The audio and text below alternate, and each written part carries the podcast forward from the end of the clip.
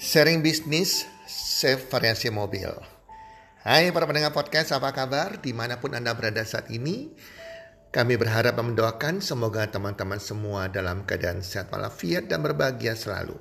Dan pasti-pastinya, pasti-pastinya rezeki Anda akan makin bertambah dari hari ke hari dan bulan ke bulan. Dan tentunya keberuntungan dan kesuksesan menyertai Anda sepanjang tahun ini.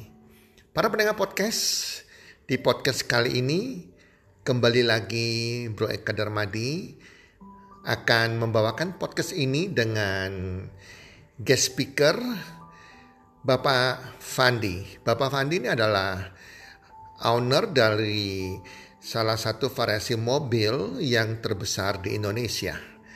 Oke teman-teman, kita dengarkan sama-sama. Semoga bermanfaat dan salam sukses. One, two, three.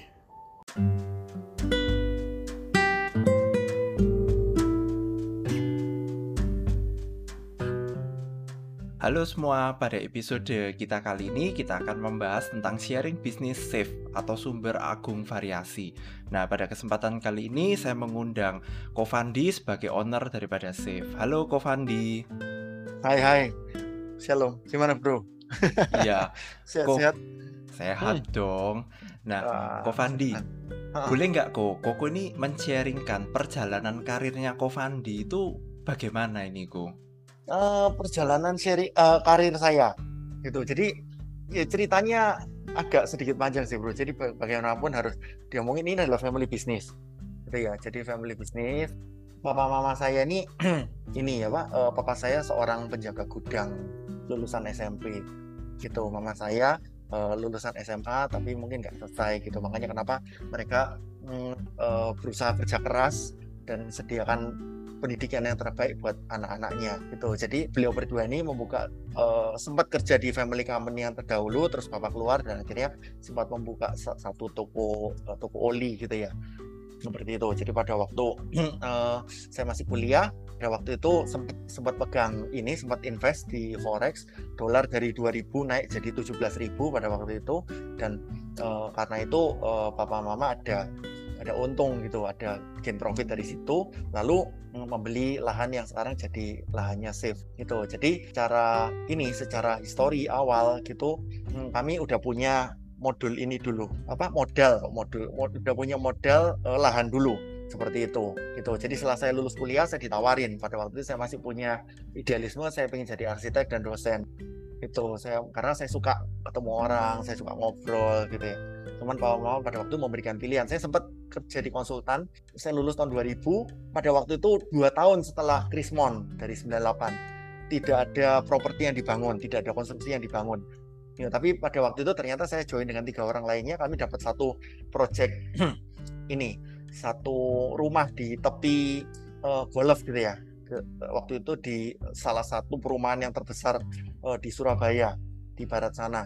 Gitu kami dapat dapat ini dan waktu idealisme saya masih sama cuman papa mama akhirnya bilang oh, Fadi masa kamu nggak mau nerusin ini apa papa mama tanah ini mau mau dibiarin gitu aja? Gitu. Kalau bisa dikembangin kenapa enggak pada waktu itu oke okay, saya memutuskan untuk akhirnya balik ke ini balik ke untuk bantu orang tua seperti itu. Jadi saya dengan pengalaman organisasi di kampus dan sebagainya saya balik ke ini orang tua tapi saya punya prinsip saya sebenarnya tidak mau cuman hanya sekedar buka toko gitu dari jam 8 pagi sampai jam 5 sore rame bersyukur sepi ya ini berarti ujian dari Tuhan gitu ya gitu. Ya boleh kita memikirkan seperti itu tapi uh, saya nggak mau cuman hanya sekedar pasif uh, nunggu customer datang itu oleh karena itu karena ini family company dan ada adik saya yang adik perempuan saya dan adik perempuan saya lebih berniat untuk menjaga toko. Nah makanya kenapa kok saya pikir saya perlu kehadiran saya ini membawakan satu edit value bagi perusahaan. Gitu kalau memang saya udah punya pengalaman di organisasi, saya pernah jadi ketua himpunan mahasiswa, saya pernah terlibat di banyak kegiatan panitia, saya pernah di senat mahasiswa universitas, pernah maju walaupun tidak menang ya untuk tua senat misalnya pada waktu itu. Tapi itu semua pengalaman-pengalaman ber berharga bagi saya, pengalaman organisasi maupun relasi maupun uh, soft skill yang saya punya saya tidak mau itu semua expired ketika saya jaga toko gitu. Jadi pada waktu itu saya melihat ada celah atau ada peluang bahwa saya bisa atau kami ini bisa masuk ke B2B yang pada waktu itu sebenarnya toko aksesoris tidak ada yang mau masuk hanya hanya dua hanya dua atau tiga yang mau mau kerjasama dengan dengan ini dengan showroom mobil atau dengan ATPM gitu. Nah dengan modal itu oh, saya bisa masuk saya bisa presentasi dan akhirnya kami diterima dan kami dalam waktu yang cukup singkat kami bisa masuk ke ATPM yang terbesar di Indonesia dalam waktu empat tahun. Seperti itu. Itu sekilas singkatnya seperti itu sih. Detailnya nanti bisa kita sambil sharing ya. Oke. Nah kok pada waktu itu hmm. ya kok ya. Awal mula idenya Koko untuk membangun variasi mobil itu dari mana kok pada waktu itu ya? Ini kan udah lama banget ya waktu itu. Iya itu kan sebenarnya tempat kami udah usianya 20 tahun ya. Jadi pas akhir Januari kemarin kami merayakan ulang tahunnya Chef yang ke-20 jadi jujur memang ide itu dari dari papa mama saya gitu. Jadi mereka uh, beliau berdua jalan-jalan ke mana gitu waktu weekend terus atau waktu uh, pas uh, lagi weekdays melihat bahwa toko-toko aksesoris kok rame prinsipnya sebenarnya sederhana gitu ya bahwa kalau misalnya diversifikasi usaha kenapa enggak gitu kalau misalnya usaha ganti oli ini kan sebenarnya udah tertakar ya oh persentasenya profit segini sekian marginnya sekian seperti itu. Jadi kalau misalnya lihat oh ternyata ada yang lebih ini simpel sekali sih sebenarnya. Pada waktu itu uh, tahun-tahun 90-an aksesoris mobil lu lagi lagi apa ya lagi manis-manisnya gitu, lagi enak-enaknya. Kenapa? Karena tahun-tahun 80, tahun 90 itu mobil dijual kosongan. Gitu. Jadi mobil dijual dengan uh, platform satu platform yang sama maka uh, potensinya itu bisa dipasang misalnya radio tape, bisa dipasang kaca film, bumper depan belakang, ganti ban, ganti velg, tambah AC, sarung jok karpet dasar, tambah audio. Kira-kira ada 10 sampai 20 item yang bisa ditambahkan di mobil yang uh, masih kondisi basic tersebut platformnya. Nah, pemikiran papa mama saya kalau misalnya kita usaha itu, kenapa enggak? Begitu. Ya, ya simpel sekali sih diversifikasi usaha. Papa mama tetap di oli juga kadang-kadang ngawasinnya di aksesoris. Kami berdua yang handle untuk yang aksesoris. Itu oke. Nah kok berarti ini Safe ini sudah berdiri sejak tahun berapa kok? Awal Januari 29 Januari 2001 nah itu jadi kemarin pas 20 tahun Oke, nah selama 20 tahun ini ya kok ya, hmm. mungkin Koko hmm. boleh sharingin ke kita Hmm. ada kesulitan atau tantangan apa yang Koko pernah hadapi selama 20 tahun itu, Ko Fandi? Ya, kesulitan dan tantangan banyak ya. Awal-awalnya dulu ya. Awal-awalnya dulu kesulitan dan tantangan adalah bagaimana mengatasi gap antara ekspektasi orang tua dengan uh, performance-nya kami. Gitu. Jadi orang tua sebenarnya kan gini, kami ini kan tidak tidak dari keluarga yang berkecukupan gitu. Kami jujur dari keluarga yang berkekurangan. Saya tadi bilang papa saya lulusan SMP seorang penjaga gudang. Gajinya berapa sih gitu. Dan bisa disimpulkan juga uh, secara pola pikir dan sebagainya itu sebenarnya sangat-sangat sangat-sangat simple gitu ya. Seperti itu. Dan jujur memang kami juga pernah di apa uh, keluarga kami pernah ditipu sama orang seperti itu dan akhirnya uh, kami juga sangat-sangat menderita gitu makanya uh, pengelolaan keuangan itu di tempat kami sangat-sangat hati-hati, bahkan cenderung eh, sangat-sangat ketat gitu. Dan untuk ini, untuk investasi ini, semua uh, infrastruktur, maksudnya secara lahan, secara bangunan awal, secara basic, semuanya sudah siap. Tetapi untuk hmm, bagaimana membelajarkan uang untuk memberi membeli uh, misalnya membeli aset aset yang sorry memberi membeli modal eh sebagai modal barang-barang modal yang untuk dijual gitu. Barang-barang yang mau diputar itu sangat-sangat selektif gitu. Ketika mengeluarkan apa pun juga sangat-sangat selektif. Itu yang sering kali hmm, kami agak ketat gitu ya. Makanya ini jadi diskusi menarik sebenarnya untuk family business. Bagaimana orang-anak muda yang misalnya udah hmm, secara edukasi mengecap edukasi lebih tinggi dari orang tua begitu balik ke perusahaan keluarga ternyata akhirnya hmm, stres atau frustrasi karena secara budget apa semua dikunci. Begitu. Secara fasilitas mungkin uh, dapat misalnya oke okay, pergi ke luar negeri gitu ya sekali setahun atau berapa kali setahun. Dibeliin rumah dibeliin rumah gitu misalnya. Uh, dibeliin mobil dibeliin mobil misalnya. Jadi secara tampak sekilas tidak berkekurangan tetapi gaji UMR gitu. Tapi secara hmm, ini secara kekuasaan uh, otoritas sangat-sangat dibatasin. Jadi stres kan? Seperti itu. Dan itu pentingnya bagaimana e, cara kami anak-anak muda pada waktu itu itu ya kami harus menimbulkan atau menciptakan trust awal sedikit demi sedikit sehingga akhirnya orang tua merasa bahwa oke okay, kalau misalnya bisa sampai ke pencapaian sekian maka ceran budgetnya saya buka gitu. Dari awal uh, tantangan terbesar kami adalah ya udah kamu jalani semua sendirian. Marketing ya Fandi misalnya. Uh, administrasi ya Fandi. Uh, sama Fani adik saya gitu misalnya. Terus habis itu hmm, jaga toko juga Fandi sama Fani. Gitu. Terus nanti habis itu hmm, presentasi Fandi. Pendekatan ke showroom Fandi. Terus habis itu uh, apalagi uh, nanti nganterin mobil ya Fandi. Gitu setir mobil mobilnya customer nganter ke ngantar jemput rumah customer. Jadi semuanya ya ya kami berdua sendirian.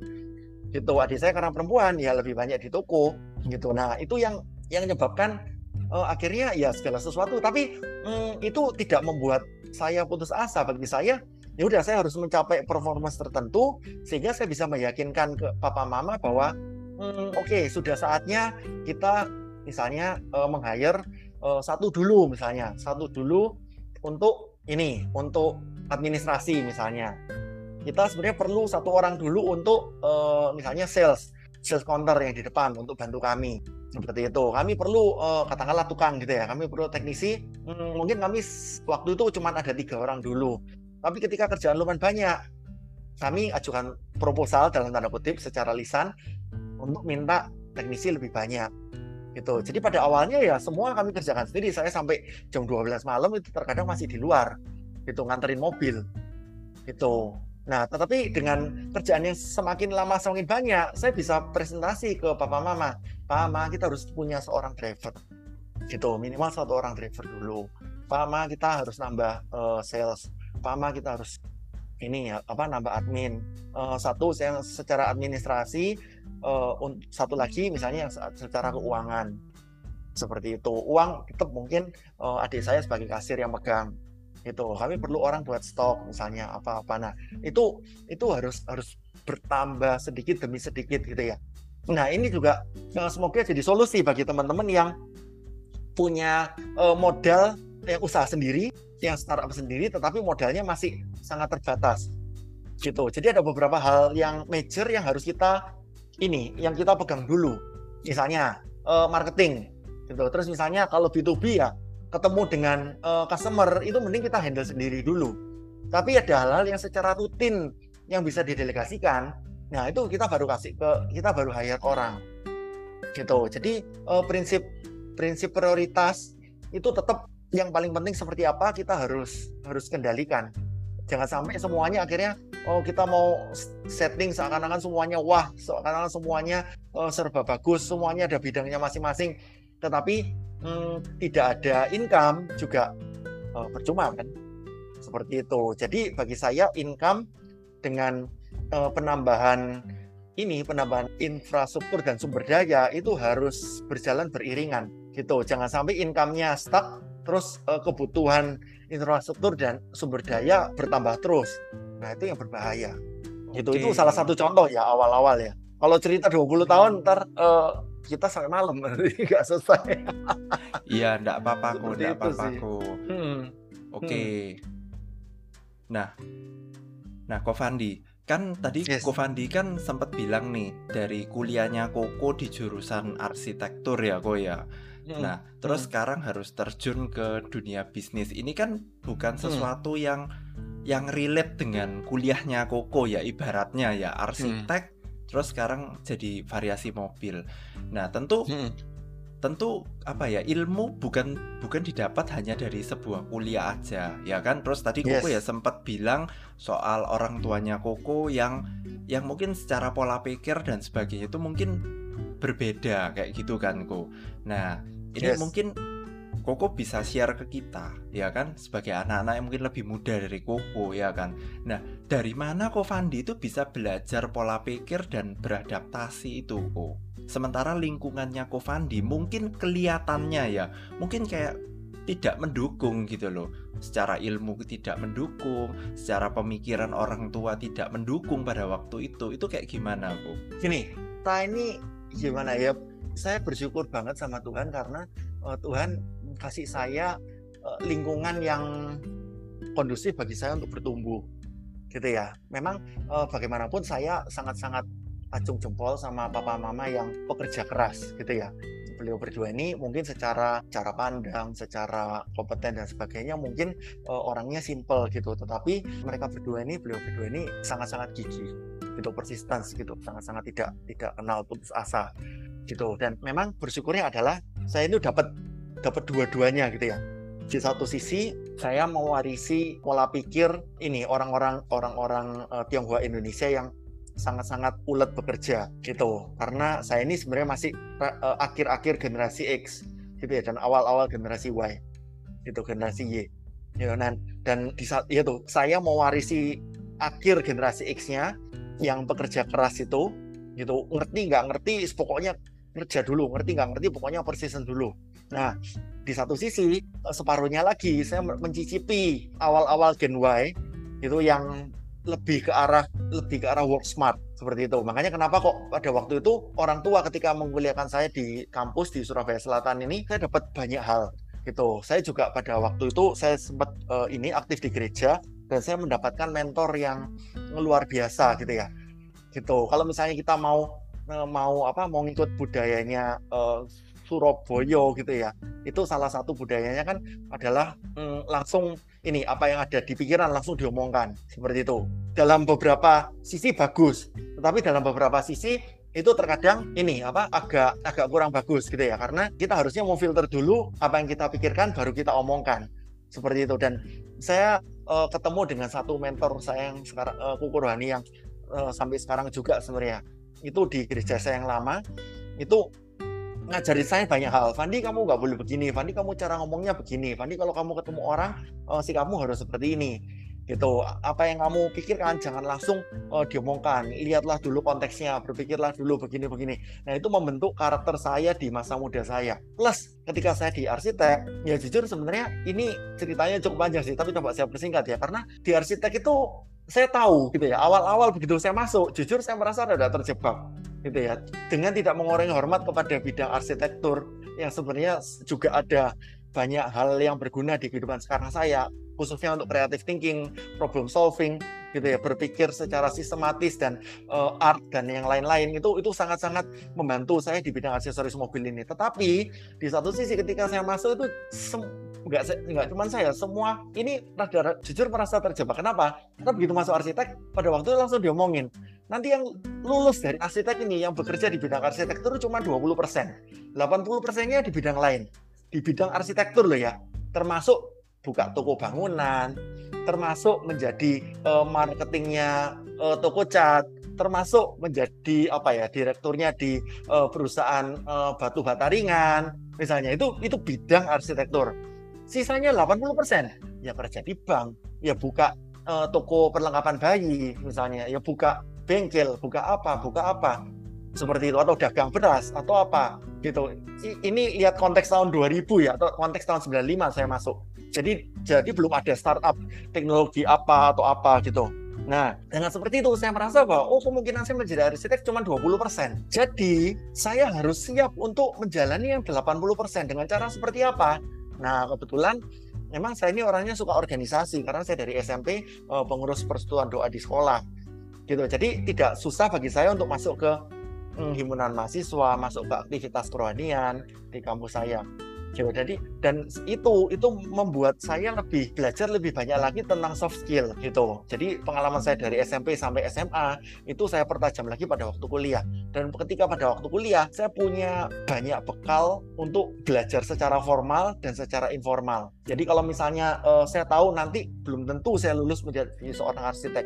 Jadi saya harus isi pengetahuan yang ada di otak saya itu untuk hal-hal yang belum tentu jadi arsitek. Jadi saya pada waktu itu me melihat bahwa asisten dosen arsitek itu gini, kami kan harusnya sampai di di studio arsitek merancang itu kan sampai sampai sore, sampai jam 5 sore, kadang-kadang sampai malam gitu ya. Saya mengamati bahwa asisten dosen atau dosen yang datang itu selalu datang di waktu yang sama Jadi saya coba mencuri waktu, mencuri itu men mensiasati waktu. Kalau mencuri kan kesannya gitu. Mensiasati waktu. Biasanya kalau ketemu asisten itu kan saya menyajikan hasil desain saya. Itu saya kerjakan sebelumnya. Kalau misalnya dosennya datangnya pagi jam 9, berarti malam sebelumnya sudah saya kerjakan. Begitu dosennya jam 9 datang, di saat yang lain tidak siap, masih urek-urek atau masih coret-coret di kertas, saya sudah siap dengan lembaran presentasi desain saya untuk di asistensi gitu. Begitu jam 10 saya selesai gitu. Mereka yang teman-teman saya satu kelompok yang lain barusan selesai barusan nyelesain desainnya dan mereka antri untuk presentasi. Dan jam 10 itu saya udah menghilang. Menghilang ke mana saya ada di ruang himpunan mahasiswa gitu. Saya ada di ruang senat diskusi tentang pada waktu itu lagi rame-ramenya politik ya tentang politik tentang organisasi tentang apa pun gitu. Nah terus pada waktu mm, sore di saat semua mahasiswa, hampir rata-rata semua mahasiswa sedang tidur siang, sedang pacaran, sedang jalan-jalan di mall. Saya menghabiskan waktu satu jam minimal per hari di perpustakaan. Gitu. Pada waktu itu baca apa aku? Yes, saya baca semua di perpustakaan itu kan pakai ini ya, pakai apa? Ada satu sistem apa di DC kalau nggak salah. 100 sampai 200 uh, 0 sampai 100 itu misalnya tentang ekonomi, 100 sampai 200 tentang psikologi, 200 sampai 300 uh, tentang sosial, 300 sampai 400 tentang arsitek, uh, eh, 400 sampai 500 tentang apa? Tentang hukum dan sebagainya. Saya komit satu hari satu jam di perpustakaan, tiap hari ambil aja buku ngawur, buku yang kelihatannya menarik, saya baca. Zaman dulu nggak ada internet tahun-tahun itu belum ada internet yang sekencang sekarang. Jadi source saya hanya buku pada waktu itu. Jadi hmm, saya benar-benar memanfaatkan uh, kehidupan mahasiswa saya untuk uh, saya asah kapak saya uh, dengan baik. Suatu saat ketika nanti saya lulus, um, kapak saya sudah siap untuk potong pohon. Seperti itu. Oke, berarti Fandi ini dari dulu itu suka banget untuk belajar hal-hal baru ya kok ya. Suka baca buku yes. suka komitmen. Ya mungkin ini buat teman-teman yes. juga ya. Jadi kalau misalnya kalian merasa di dalam hidupnya kalian saat ini pekerjaan atau apa pun kok nggak relevan ya? Atau apa ya? Kita bisa belajar hal-hal baru. Kita belajar dari buku atau dengerin dari YouTube mungkin atau dari internet. Sekarang kan sudah jauh lebih mudah ya kok ya untuk yes. mempelajari mempelajari hal-hal yang baru nah kok mm -mm. jadi gini mm. pada saat saat ini ya tahun 2020 hmm. sampai 2021 ya kan ini kan kita kan lumayan heboh-heboh nih ya kan ada virus yang namanya corona nih nah hmm.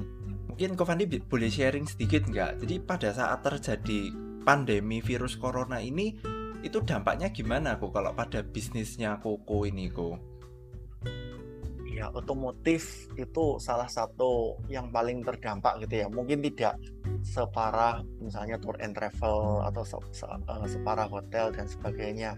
Gitu. tapi otomotif juga turun. Tapi ya puji Tuhan um, rekanan yang uh, saya terdaftar sebagai rekanan resmi nggak boleh sebut merek ya.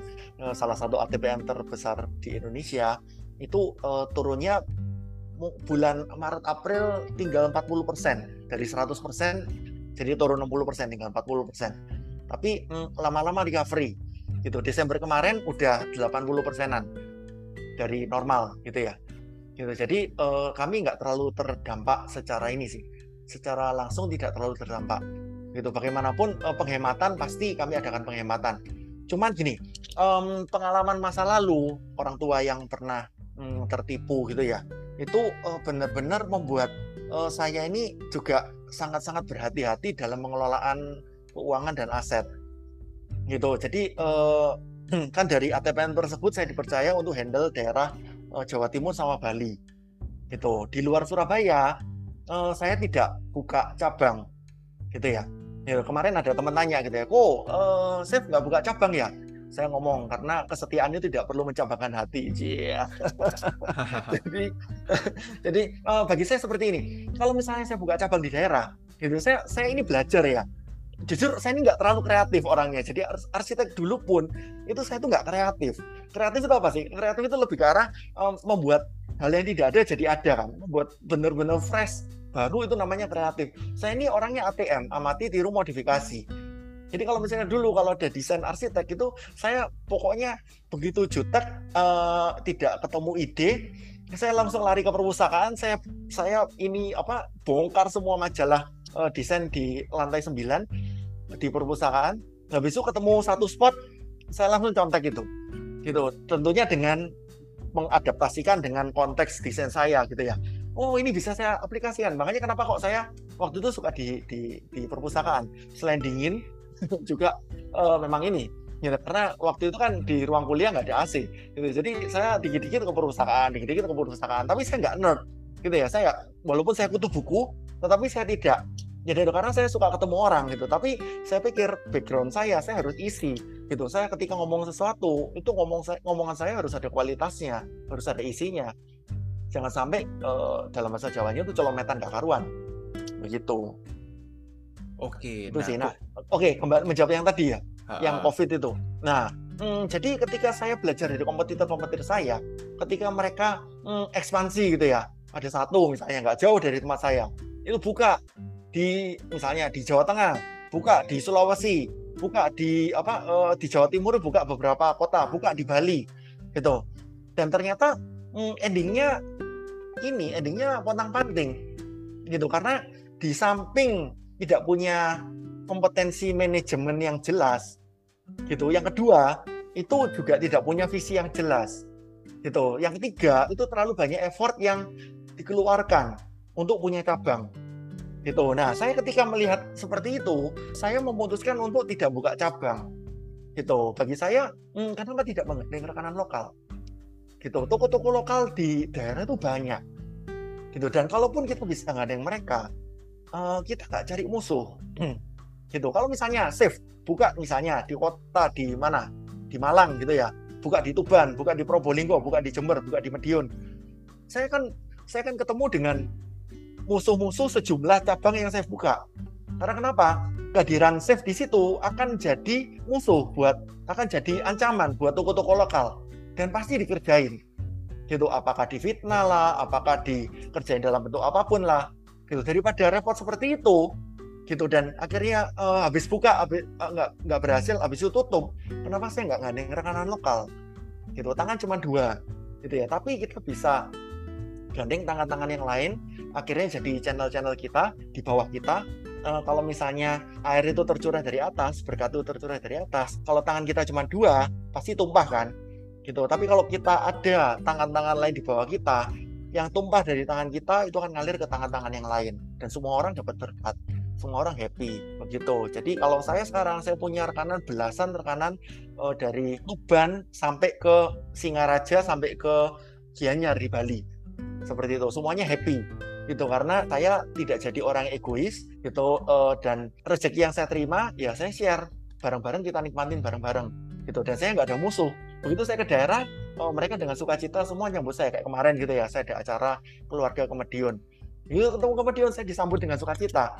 Gitu. Kalau misalnya saya punya uh, toko sendiri di sana, saya di sana ya pasti di di apa ya dipikirin yang macam-macam. Wah ini mau apa lagi nih? Ini mau apa lagi? Gitu. Tapi kalau saya datang ke sana ke channel saya, saya kan disambut dengan, loh, oh kenapa nggak itu kita nggak siapin apa-apa? Kenapa kenapa nggak bilang-bilang dulu? Oh ya, sorry bu, kita ini itu apa uh, dadaan acara keluarga, itu karena ada sepupunya istri yang meninggal, jadi uh, harus agak uh, dadaan hadir. Nah, seperti itu loh yang yang yang ini ya. Jadi begitu misalnya COVID gitu ya, kalau kita harus berhemat, saya tidak ada tidak ada apa ya tidak ada aset yang terbengkalai gitu. Tidak ada pemborosan tidak ada sesuatu yang harus saya potong gitu. Karena begitu kerjaan sepi misalnya saya tidak tidak itu tidak perlu cut karyawan terlalu banyak. Karena itu adalah karyawan-karyawannya channel saya. Tetapi begitu rame itu kami siap untuk expand gitu. Karena channel-channel saya juga akan akan siapin infrastrukturnya masing-masing. Jadi itu yang menurut saya uh, share ekonomi versi versi basic seperti itu oke nah kok Koko boleh nggak hmm. nih kasih satu contoh deh inovasi yang hmm. dulunya belum ada tapi pas terjadi pandemi ini Koko membuat sebuah inovasi baru itu contohnya itu kayak gimana kok? Iya jadi salah satu ya uh, ini adalah itu apa yang partisinya mobil yang ada di dalam mobil. Jadi itu partisi itu memisahkan antara driver dengan penumpang. seperti itu. Jujur itu pun juga ATM gitu. Jadi gini kalau orang-orang yang kreatif itu sering kali kan menciptakan sesuatu mm, yang ini. Gitu. Tapi saya juga berpikir kadang seperti ini. Kalau misalnya kita riset dan developmentnya kebanyakan apalagi untuk toko yang simple gitu ya seperti saya gini serba serba susah. Jadi biaya R&D itu saya akan akan akan alokasikan untuk biaya jalan-jalan. Gitu. Jadi tahun 2019 itu saya keluar negeri lima kali kalau nggak salah. Ya di samping jalan-jalan tapi saya jalan kalau pas ada eksibisi pas ada pameran otomotif. Gitu. Seperti itu itu 2019 gitu. Saya saya jalan 2020 cuman jalan sekali ke itu awal ke Tokyo Auto Salon di awal Januari. Habis itu kita semua pandemi. Dan sampai sekarang nggak bisa keluar ke mana-mana lagi. Gitu. Dan semua sekarang uh, pamerannya secara virtual. Tapi ya ya seperti itu. Maksudnya saya ini tipe ATM tipe amati tiru modifikasi yang harus lihat dulu terus analisa dan baru saya adaptasikan di tempat saya. Gitu. Menjelang lebaran kemarin ada satu toko di Jakarta dengan uh, sebuah pengacara kondang yang membuat uh, mobilnya seperti itu gitu ya. Dan itu viral ke mana-mana. Dan saya pikir loh ini ini bisa dong diterapin di rumah saya gitu. Dan akhirnya saya diskusi sama uh, ini sama beberapa rekan saya sama teknisi juga. Akhirnya kami bikin itu. Dan itu cukup cukup ini sih cukup apa ya cukup profitable juga ya dan cukup viral juga gitu. Saya salah satu di Surabaya ini uh, kalau orang mau cari itu saya adalah yang yang top of mind-nya. Seperti itu sih. Jadi saya udah banyak pasang untuk perusahaan-perusahaan dan sebagainya. Itu tapi saya kasih added value. Gitu. Kalau misalnya di Jakarta itu itu cuman partisi aja. Bagi saya kenapa nggak saya kasih ini kasih gimmick tambahan? Seperti misalnya saya tambahin itu apa uh, slot USB fast, fast charging misalnya. Karena kenapa? Biasanya slot USB charging itu kan ada di depan. Kalau misalnya terpisah oleh partisi, hmm, itu di belakang tidak ada. Ya saya kasih dong. Gitu. Kalau orang mau ngecas gimana? Gitu. Karena itu saya kasih. Gitu. Terus setelah itu uh, kasih intercom misalnya. Itu kan antara depan sama belakang kan tidak ada itu ya. Tidak ada uh, suaranya akan jadi kedap atau suaranya jadi terganggu. Gitu. Bagaimana berkomunikasi dengan driver? Kasih intercom gitu. Kalau yang di Jakarta kemarin juga ada intercom. Nah, uh, terus habis itu apa lagi? Gitu. Apakah sistem AC-nya terpisah antara depan sama belakang? Gitu. Saya mau pelajari ternyata terpisah.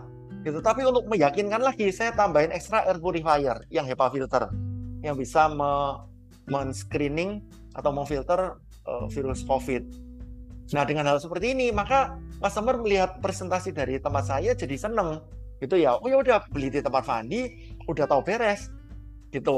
Ny nyari tempat charger nggak susah, komunikasi dengan driver dengan intercom dikasih ini juga apa uh, air purifier seperti itu gitu Bro Eka oke Kovandi boleh nggak Niko hmm. sharing tentang kunci suksesnya daripada Safe dan value-value apa yang Koko tanemin di Safe mobil ini Ko hmm. oke okay. uh, eh, jadi kunci suksesnya ya pertama pastinya bergantung sama Tuhan gitu ya karena ya kalau misalnya teman-teman bilang oh ini klise ini itu apa ini cuman itu aja kok apa cuman pencitraan aja? Enggak. Gitu. Jujur terkadang eh, bagi saya perkenanan Tuhan itu enggak ini ya benar-benar nyata ya dan enggak disangka-sangka. Cuman saya selalu bikin rumus gitu ya sukses itu adalah ketika persiapan bertemu dengan kesempatan. Gitu. Jadi apa yang kita persiapkan itu adalah manusiawi. Gitu. Tetapi kesempatan itu ilahi tidak setiap waktu datang.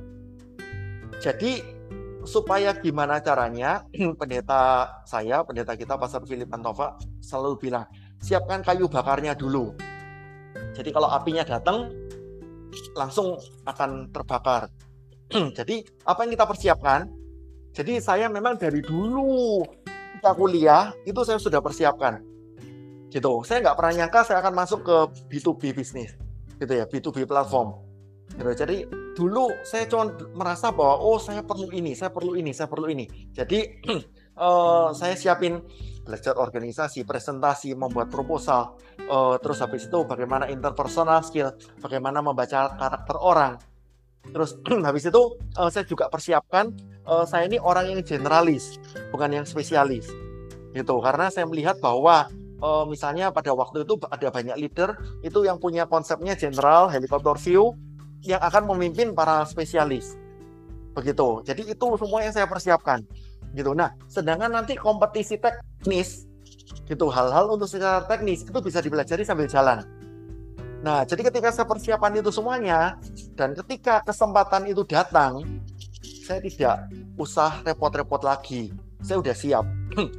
Kayunya semua sudah siap gitu apinya datang langsung semuanya terbakar. Seperti itu. Jadi eh, begitu pada waktu itu toko ini pada waktu itu saya dikenalkan dengan seseorang yang dari ATPM itu. Pandi besok pagi presentasi padahal waktu itu jam 4 sore. Gitu besok pagi presentasi ya. Saya tinggal bilang siapa besok jam 9 pagi saya presentasi. Gitu dan saya siapin semuanya. Saya siapin. Pada waktu itu memang sangat-sangat sederhana ya. Press list apa itu semuanya saya print sendiri dan sebagainya. Eh, beberapa foto-foto sederhana tapi dari situ mereka melihat bahwa oh ternyata Fandi punya karakter oh dari Fandi cara uh, penyajiannya itu cukup berkenan di hati mereka dan itu langsung klik seperti itu. Nah, Ko Fandi, kalau misalnya hmm. Ko Fandi boleh sharing nih, apa nih visi dan misi daripada Safe untuk lima tahun ke depan ini Ko Fandi? Visi itu ada dua gitu ya. Bagi saya menerjemahkan visi itu ada dua. Yang pertama itu kita bisa punya vision statement yang bla bla bla bla bla bla gitu ya, dan akhirnya di ejawantakan ke misi dan uh, di ejawantakan ke strategi. Gitu. Saya lebih memilih yang kedua. Itu yang kedua itu adalah saya kutip dari Alkitab firmanmu adalah uh, pelita bagi kakiku terang bagi jalanku. Gitu. Jadi saya pribadi jujur jujur mohon maaf. Uh, saya ini tidak Chef ini tidak punya visi yang bagaimana bagaimana? Gitu. Kenapa? Uh, karena kami ini riding the wave. Gitu ya. Gitu. Wave-nya kayak apa? Jujur saya nggak tahu. Gitu. Jadi kalau misalnya dari pertama tahun 2001 sampai sekarang ditanyain bro visinya Chef ini apa ya? Uh, saya bisa bikin satu kata-kata yang indah ke mereka supaya nggak itu. Tapi kalau di depan teman-teman sendiri uh, saya bisa bilang mm, enggak. Gitu. Uh, Chef belum ada visi yang bagaimana bagaimana gitu. Tetapi uh, kalau misalnya mau mau tanya apa yang saya lakukan untuk berapa untuk berapa itu saya beberapa saya bisa jawab gitu. Sama gitu. Ini mungkin bisa jadi anda yang dengerin ini kecewa gitu ya. Wala ternyata nggak dua visi nggak punya visi. Itu pertanyaan yang sama pertanyaannya Bro Simon sama Bro Eka. Ketika pada waktu itu kami mahasiswa saya semester akhir kami studi ekskursi di satu perusahaan koran terbesar di Indonesia yang ada tidak jauh dari tempat saya. Itu beliau uh, inisialnya Bapak DI itu pada waktu itu saya yang nanya Pak sorry visi misinya koran yang bapak pimpin ini apa? Gitu. Dan dia jawab jawabannya sama persis.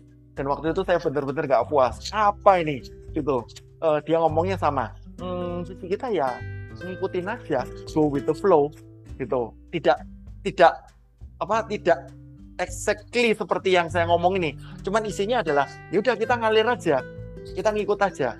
Ya lah saya pikir perusahaan segede ini uh, koran nasional seperti ini tidak punya uh, tidak punya visi yang jelas. Jujur 25 tahun kemudian ketika Bro Eka dan Bro Simon nanya hal yang sama saya juga tidak punya vision statement. Tetapi tetapi uh, saya tahu saya ke mana untuk lima tahun ke depan ini uh, saya harus jalan. Begitu. Sorry tidak ini tapi misalnya mau tanya saya nggak bisa cerita banyak. Gitu ya karena ini bukan cuma untuk kepentingan saya uh, tetapi untuk kepentingan uh, misalnya partner-partner saya juga yang kami belum bisa cerita. Seperti itu mereka siap gitu. siap jadi mohon maaf yang ini saya nggak terlalu bisa. Tapi yang penting uh, kami lagi antisipasi untuk mobil listrik begitu jadi plan seperti apa kalau ini sampai kedengaran yang yang lain itu tidak jadinya tidak ini tapi kami lagi plan paling banyak untuk ini kesiapan kami untuk mobil listrik seperti itu sih itu jawaban yang ini ya itu jawaban yang karena mobil listrik kelihatannya bisa datang jauh lebih cepat daripada yang kita duga Oke, Kofandi. Nah, ini pertanyaan hmm. terakhir nih, Kofandi. Terakhir. Nah, yes.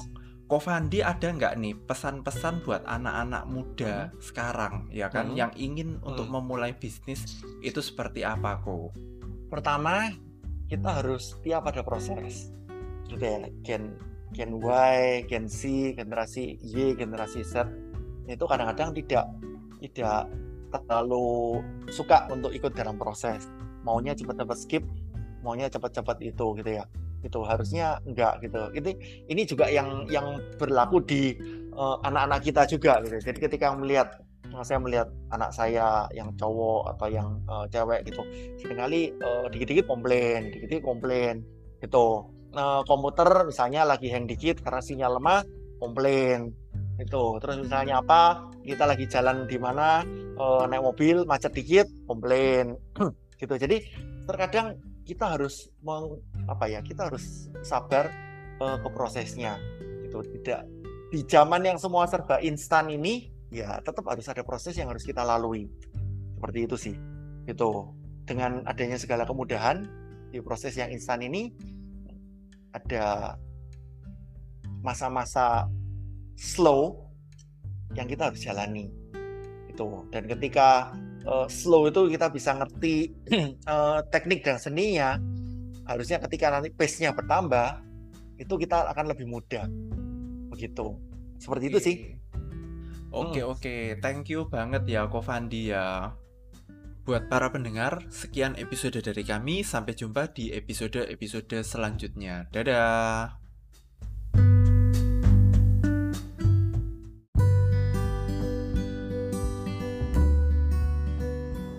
Terima kasih sudah mendengarkan podcast kami. Teman, jika Anda rasa bermanfaat podcast kami ini, Anda bisa menginfokan kepada rekan kerja Anda keluarga Anda, teman ataupun sahabat Anda. Dan jika ada hal-hal yang Anda ingin tanyakan kepada kami ataupun topik-topik apa yang Anda ingin kami bawakan, kami sampaikan, Anda bisa DM kami di Instagram kami healthcommunity.id. Salam one two three, salam sehat, sejahtera dan bahagia.